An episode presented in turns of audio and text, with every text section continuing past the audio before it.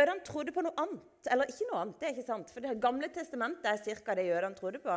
Men de hadde liksom sin forestilling av hvordan man fikk Hvordan man skulle være sammen med Gud. Og hva som måtte til for å være god nok for Gud. Og så møter de, så møter de fortellinga om Jesus. Og så begynner de å tro på han. Og for, I fortellinga om Jesus så er det egentlig ganske enkelt at hvis du tror på han, så kan du ha kontakt med Gud. Men det var litt vanskelig for dem. For de var så vant med at de måtte gjøre mange ting. Og sånn kan det jo være av og til. At det er vanskelig å begynne å tro på en ny måte. Tidligere så var det sånn for jødene at det var masse lovbud og det var skikker som de skulle følge for å liksom være rettferdige innenfor Gud.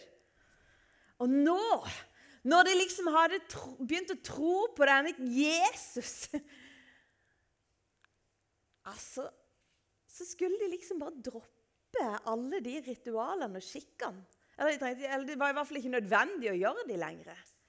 Veldig veldig vanskelig. Og det er jo ikke så vanskelig å forstå at det var eller vanskelig, vanskelig, vanskelig. Det, altså Jeg skjønner godt at det var vanskelig for dem. For de hadde noen tanker inni hodet sitt om at sånn skulle det være. Og dette må til for å være god nok for Gud. Og så kommer det en ny, en ny versjon, om du vil. Nei, det er bare tro. Det er ikke lett. Jeg syns ikke alltid det er så lett hvis jeg er overbevist om noe. Og så skal jeg liksom godta at det ikke er sånn lenger. Og sånn var det for de.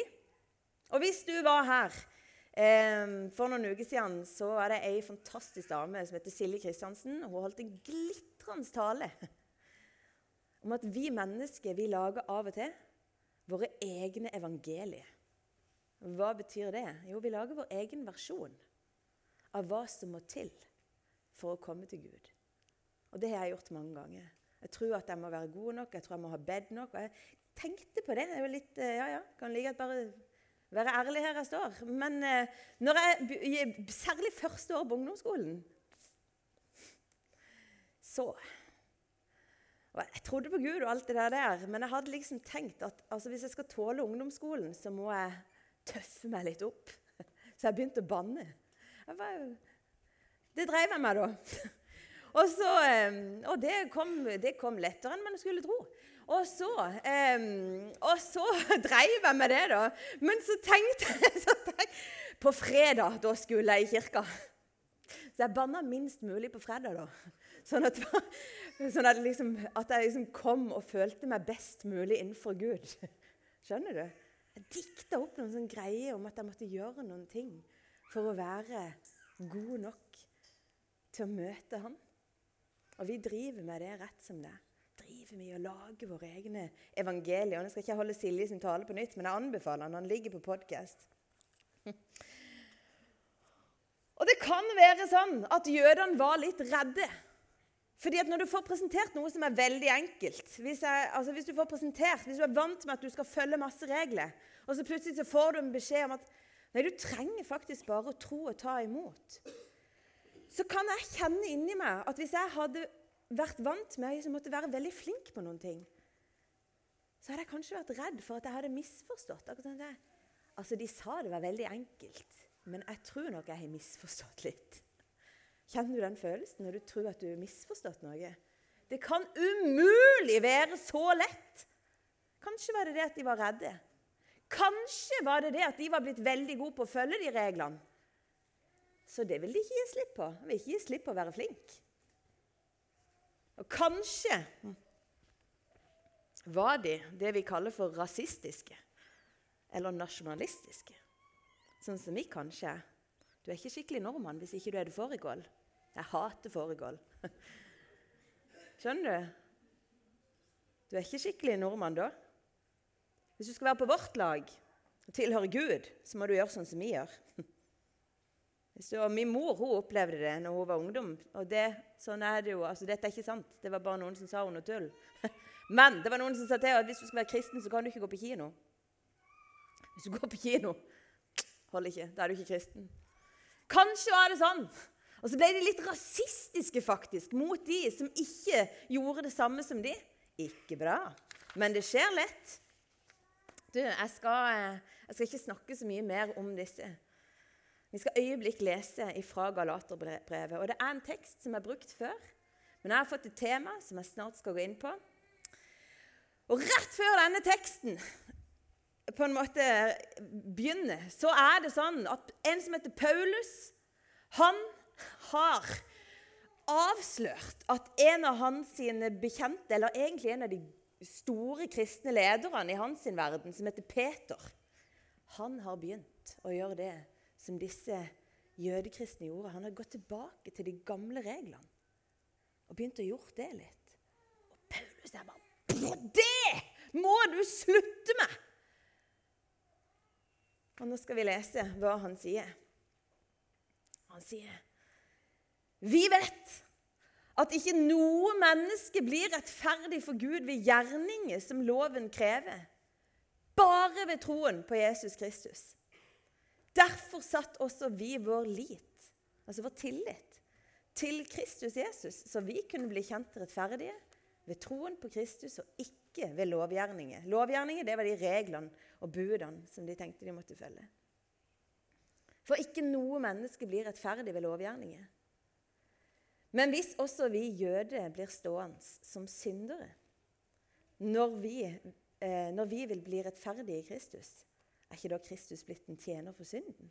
Slett ikke! For hvis jeg bygger opp igjen det jeg har revet ned, da framstår jeg som lovbryter. Ved loven døde jeg bort fra loven, så jeg kan leve for Gud. Jeg er korsfestet med Kristus. Jeg lever ikke lenger selv, men Kristus lever i meg. Det livet jeg nå lever som menneske av kjøtt og blod, det lever jeg i troen på Guds sønn som elsket meg og ga seg selv for meg. Jeg forkaster ikke Guds nåde. For hvis vi kan oppnå rettferdighet ved loven, da døde jo Kristus til ingen nytte. I dag er temaet 'rettferdig med tro'. Rettferdig ved tro. Og Jeg syns det var et veldig vanskelig tema å skulle forberede. Men jeg har altså bestemt meg for at i dag skal du få servert du har fått servert veldig gode taler som er veldig voksne fram til nå. Jeg skal flytte den, og det skjønner du snart hvorfor. Men du har fått servert kjempegode voksne taler i denne serien til nå. I dag. Til ære for unge konfirmante, og ikke minst òg fordi at ung eh, har fått vår kollekt, så skal du kanskje få en Eller ikke kanskje, du skal få en tale som er litt sånn typisk leir. Og det som er typisk leirtale for meg, det er at jeg bruker mye plass på scenen. og så er det litt kreative løsninger. Og så kommer det et budskap som er fantastisk. Og så håper jeg at jeg klarer å formidle det. da. Temaet er rettferdig ved tro. Det leste vi nettopp. Og hva betyr det å være rettferdig? Ordet 'rettferdig' det er henta fra rettssalen, fra en rettssak. Retten eller dommen er ferdig.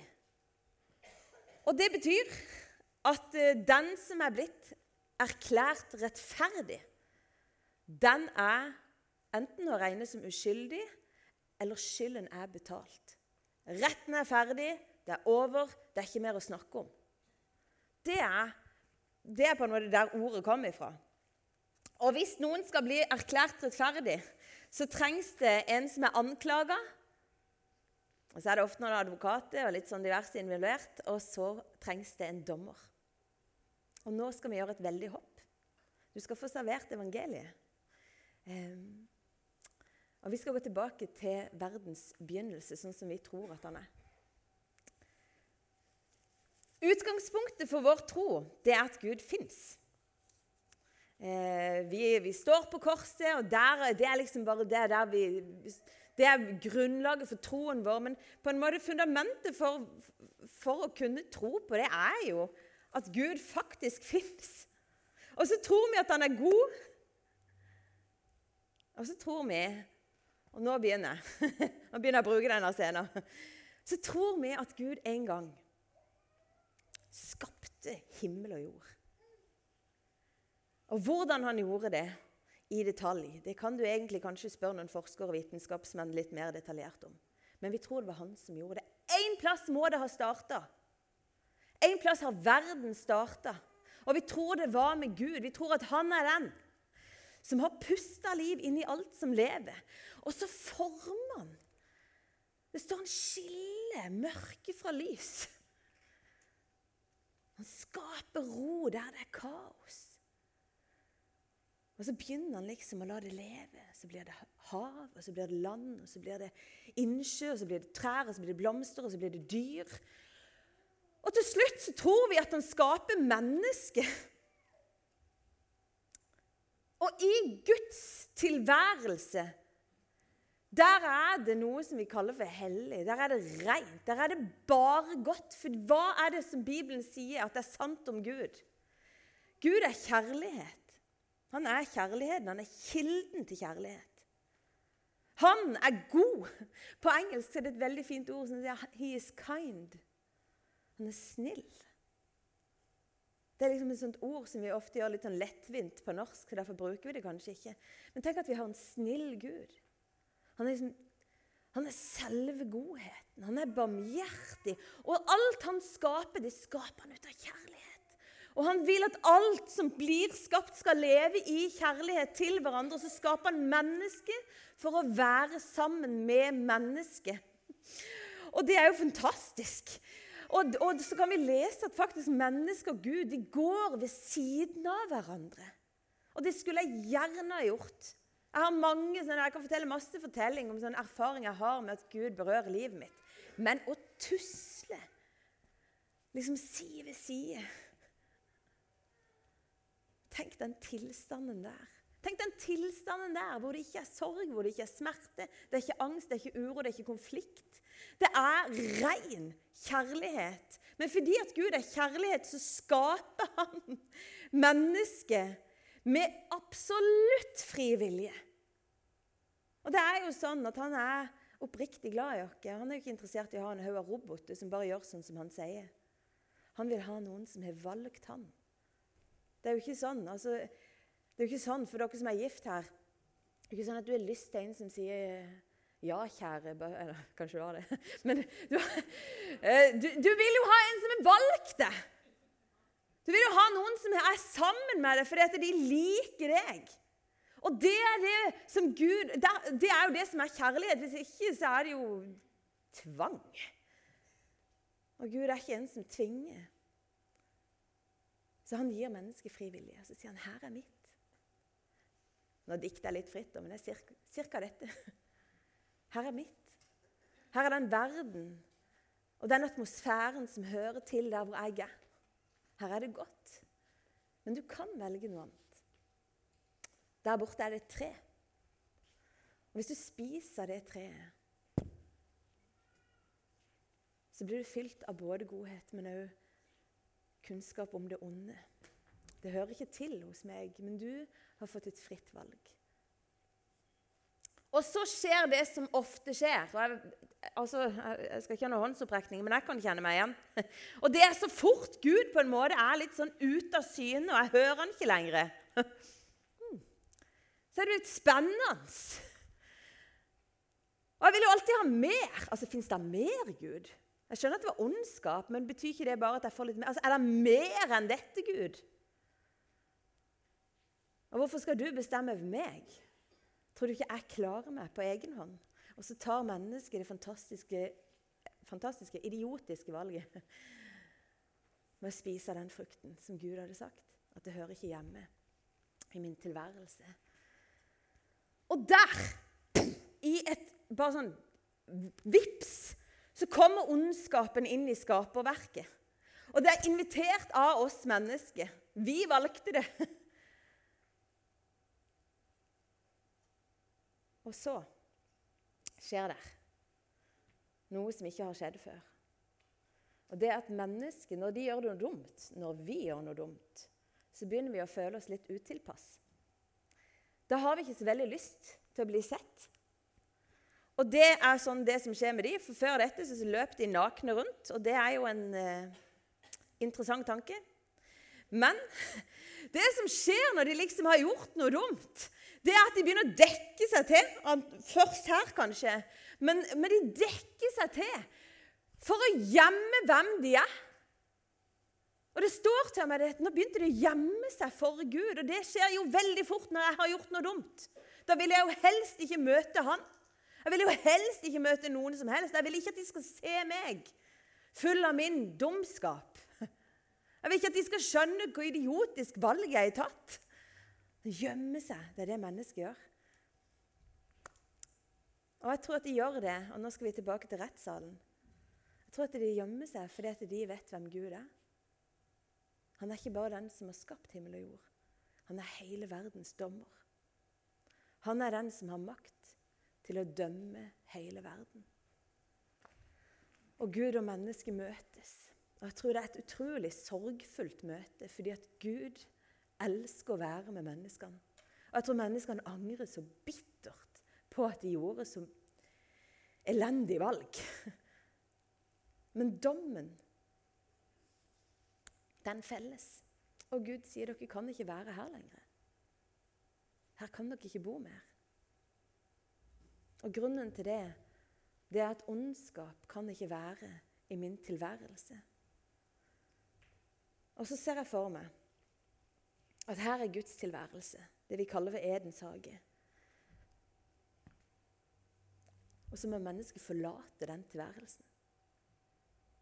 Og så er det som, altså litt inspirert av Donald Trump Jeg siterer meg på det at jeg er inspirert av Donald Trump. Så ser jeg liksom for meg at det bare pff, reises en mur. Nå kan vi ikke komme dit lenger. Nå må vi leve hit. Og her er det annerledes. Fordi at her er det både ondskap og godhet om hverandre i et slags kaos. Her er det både svik og angst og uro, og her er det vanskelig å leve. Her er det ikke så godt å leve som det var der. Og det er menneskets tilstand. Det er dommen. Og det er ikke ondskap. Det er ikke fordi at Gud er kjip. Han er ikke den der 'Du kan ikke du være her lenger'. Gud er rettferdig, og han vet det. At her Altså, lys og mørke, det fungerer ikke sammen. Dere kan ikke dra ondskap inn i mitt rike. Det går ikke. Men jeg er med dere. Og så følger det mange, mange, mange, mange år hvor mennesket lever i slit. Og det er ikke noe særlig. Og det tror jeg de fleste av dere vet noe om hva det vil si å ha det um, ja, slitsomt. Jeg skal bare finne teksten min her.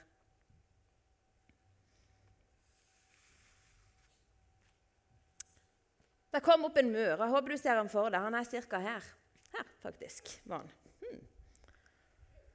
Og det er som om at det er blitt gitt en dom, en avsagt en dom. Og så tenkte jeg det er som om mennesket er satt i et slags fengsel. Det er en konsekvens, og da skal jeg eh, ta et lite hopp til Kristiansand fengsel. Fordi at I mange år så har jeg besøkt mennesker i Kristiansand fengsel. Eh, og det er mennesker som av ulike grunner har endt opp der. Eh, som oftest så har jeg møtt de som sitter på varetekt. Når de sitter på varetektsavdelinga, så venter de på å få sin dom. Eller de venter egentlig på å få rettssaken opp, og så skal de få en dom. Og så er det sånn at veldig ofte så er de litt nervøse, de som sitter der. Det er ikke noe OK plass å være. Det er, det er litt sånn eh, et tankekjør og Hva med saken min? Og kanskje de angrer, eller kanskje ikke. Eller kanskje hadde ikke gjort det. Eller. Og så Hva vil dommeren tenke om meg? Sånn, det må jo være det store. Når du vet at noen har makt til å bestemme om du skal sitte i fengsel eller ikke, da, det, da tenker du på dommeren. Du vil gjerne smile fint. Hva med dommeren? Hva tenker han om meg? Fordi at jeg eh, Jeg vet ikke om jeg orker å få en kjip dom. Sånn har mange det når de sitter på varetektsavdelinga. Og så har jeg møtt noen av de som har fått dommen. Og I Kristiansand så er De som soner dom i Kristiansand, de soner ikke veldig mange år, men noen soner drøyt to år. Og det er lenge nok, det. Og Vi kan godt snakke om altså norske fengsler, men det er ikke så veldig gøy. Det er ikke så veldig gøy når du har doen inne på samme rommet som du sover på. Det er ikke stas. Det er ikke veldig gøy når det kommer andre mennesker og sier når du skal legge deg og når du skal stå opp. Ikke gøy. Det er ikke spesielt festlig når du ikke kan treffe de du har lyst til å treffe, eller ringe de du har lyst til å ringe når du vil. Det er en konsekvens. Det er et fengsel. Og det har en begrensning for det livet som de skal leve de årene der. Og så har jeg møtt noen av de. Ikke så veldig mange. Men noen av de har jeg møtt etter at de har sont ferdig. Og da er det litt annerledes. Da har vi bl.a. vært på Peppes og feira. Fordi at det er så deilig å være rettferdig igjen. For det er de jo plutselig blitt. Ifølge norsk lov så er de blitt rettferdige.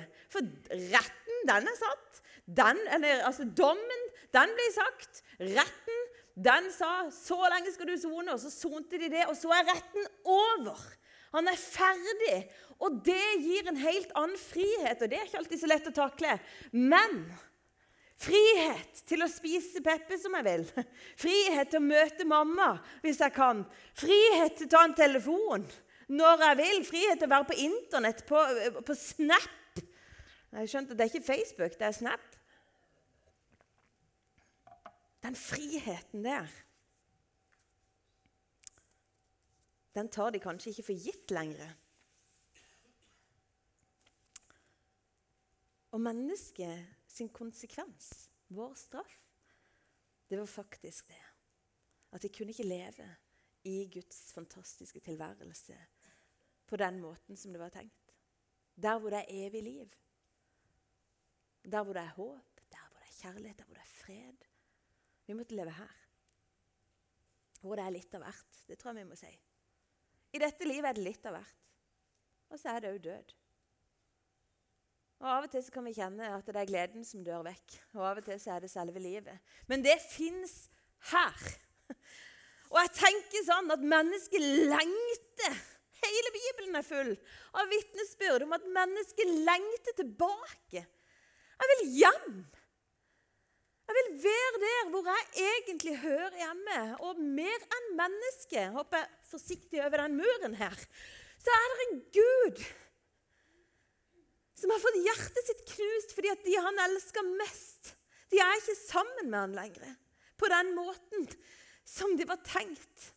Og da er det sannelig godt at han er Gud. Fordi at han som er dommer, jeg syns det var en veldig lav mur. Han er egentlig så høy. Han kommer sjøl. Derfor feirer vi jul. Fordi at han som er dommer, han kommer sjøl. Det er Jesus. Og så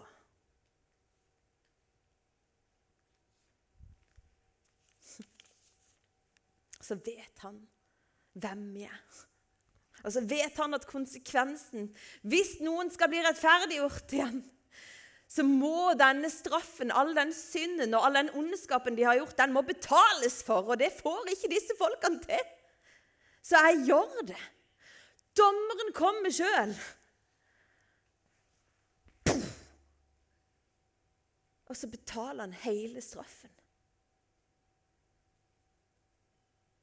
På Golgata kors, mine kjære venner og ikke minst konfirmante. På Golgata kors når Jesus døde der, så betalte han for alle våre idiotiske valg. Han betalte for alt det dumme vi har gjort, og alt det dumme vi noen gang kommer til å gjøre.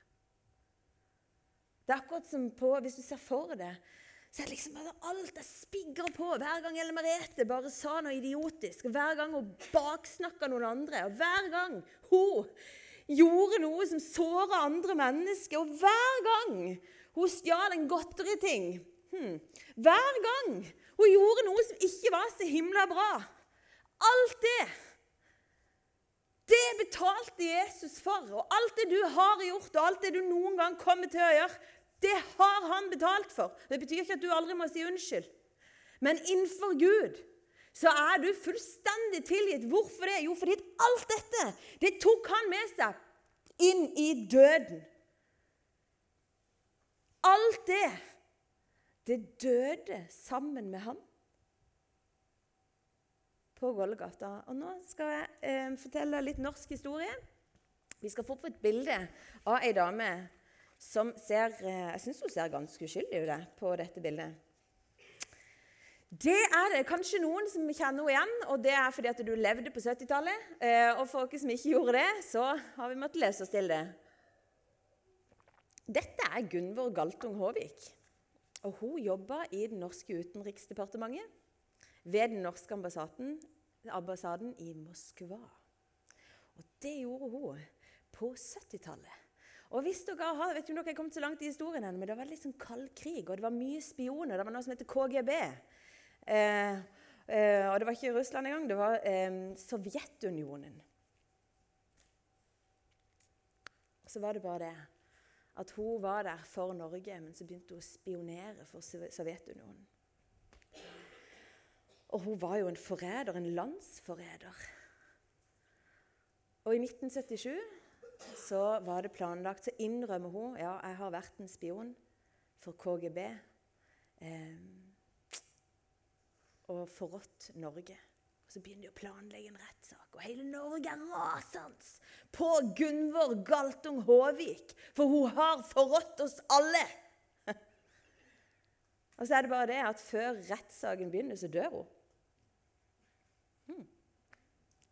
Ja. Og interessant nok så var det noen som ville Vi kjører rettssak likevel! Men det var jo ikke vits, for hun var jo død. Du kan jo ikke kjøre rettssak mot noe som er død. Det var bare å brenne de papirene der, for det der var over. Og alle rettspapirene Sånn kan du tenke om ditt liv. At alle rettspapirene som var mot deg, de tok Jesus med seg i døden. Derfor er det ingen rettssak mot deg lenger. Du er rettferdig.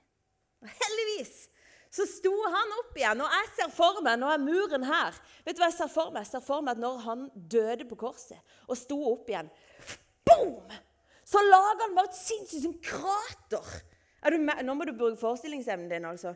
Men her er en mur, og jeg, Jesus bare lager et krater midt imellom her, sånn at når du kikker på muren derifra, så ser du et svært kors. Og da forstår du at i det hullet der, der kan jeg komme meg inn. Der hvor jeg egentlig hører til. Gjennom Jesus og gjennom det korset som han døde på, og gjennom det han ga sitt eget liv, så åpner han veien for deg, så du ikke må leve alene her i denne elendigheten uten håp. Og Det kan være at du tenker ja, 'Hvorfor skal jeg gå over der? Jeg har det jo rimelig greit.' Men jeg skal si deg det. Du trenger å stikke innom der borte. Der er håpet ditt. Der er trøsten for deg som har et knust hjerte. Der der er det fred for hjertet til den som er urolig. Hos Gud så er det ro.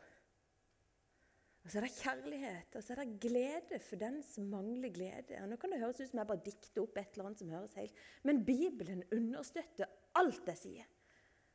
Her er Guds kraft. Og det er den samme kraften som reiste Jesus Kristus opp fra de døde. Og du, min venn, du kan få lov til å gå inn her.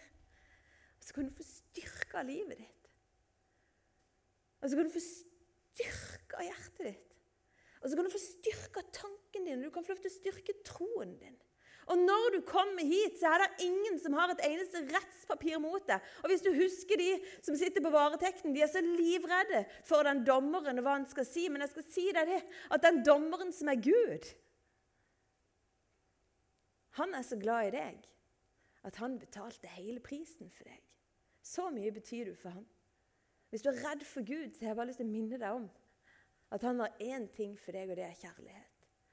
Og du kan få lov til å leve sammen med han i ditt liv. Og Så kan det være at du tenker sånn som de første jødekristne tenkte dette blir for enkelt. Må jeg ikke gjøre noen ting? Det, det holder ikke. Selvfølgelig må du gjøre noe. Det er klart du må gjøre noe. Og nå tuller jeg ikke. Du må ta et steg i tro. Du må ta et steg i tro. Og Det kan være at du har så lite tro, og det kan være at du har så mye tro. Men du må på en måte velge. Velge å tørre å håpe på at det krateret her, det fins. Kanskje det fins. Jeg velger å tro. Jeg går inn. Og når du gjør det, så er det en bønn til Gud. Gud, kan du Kan du bare møte meg? Og Paulus skriver så fint, så sier han Jeg kommer som menneske av kjøtt og blod nå. Det er akkurat som han sier Nå kommer jeg ikke inn for Gud som noe flinkis. Og det kunne han ha sagt, fordi at han var en flinkis. Veldig flink til å gjøre alle de reglene og budene, men han sier nei, nå kommer jeg bare som et menneske av kjøtt og blod. Og jeg gjør det. Jeg kommer som et menneske av kjøtt og blod med alle de toskete tingene jeg har gjort. Og alle de rare tankene jeg tenker. Jeg bare kommer. Og så går jeg inn og så styrker jeg meg hos Han som elsker meg mer enn noen andre. Og så er det sånn at her skal jeg en gang få lov til å leve, for her er det evig.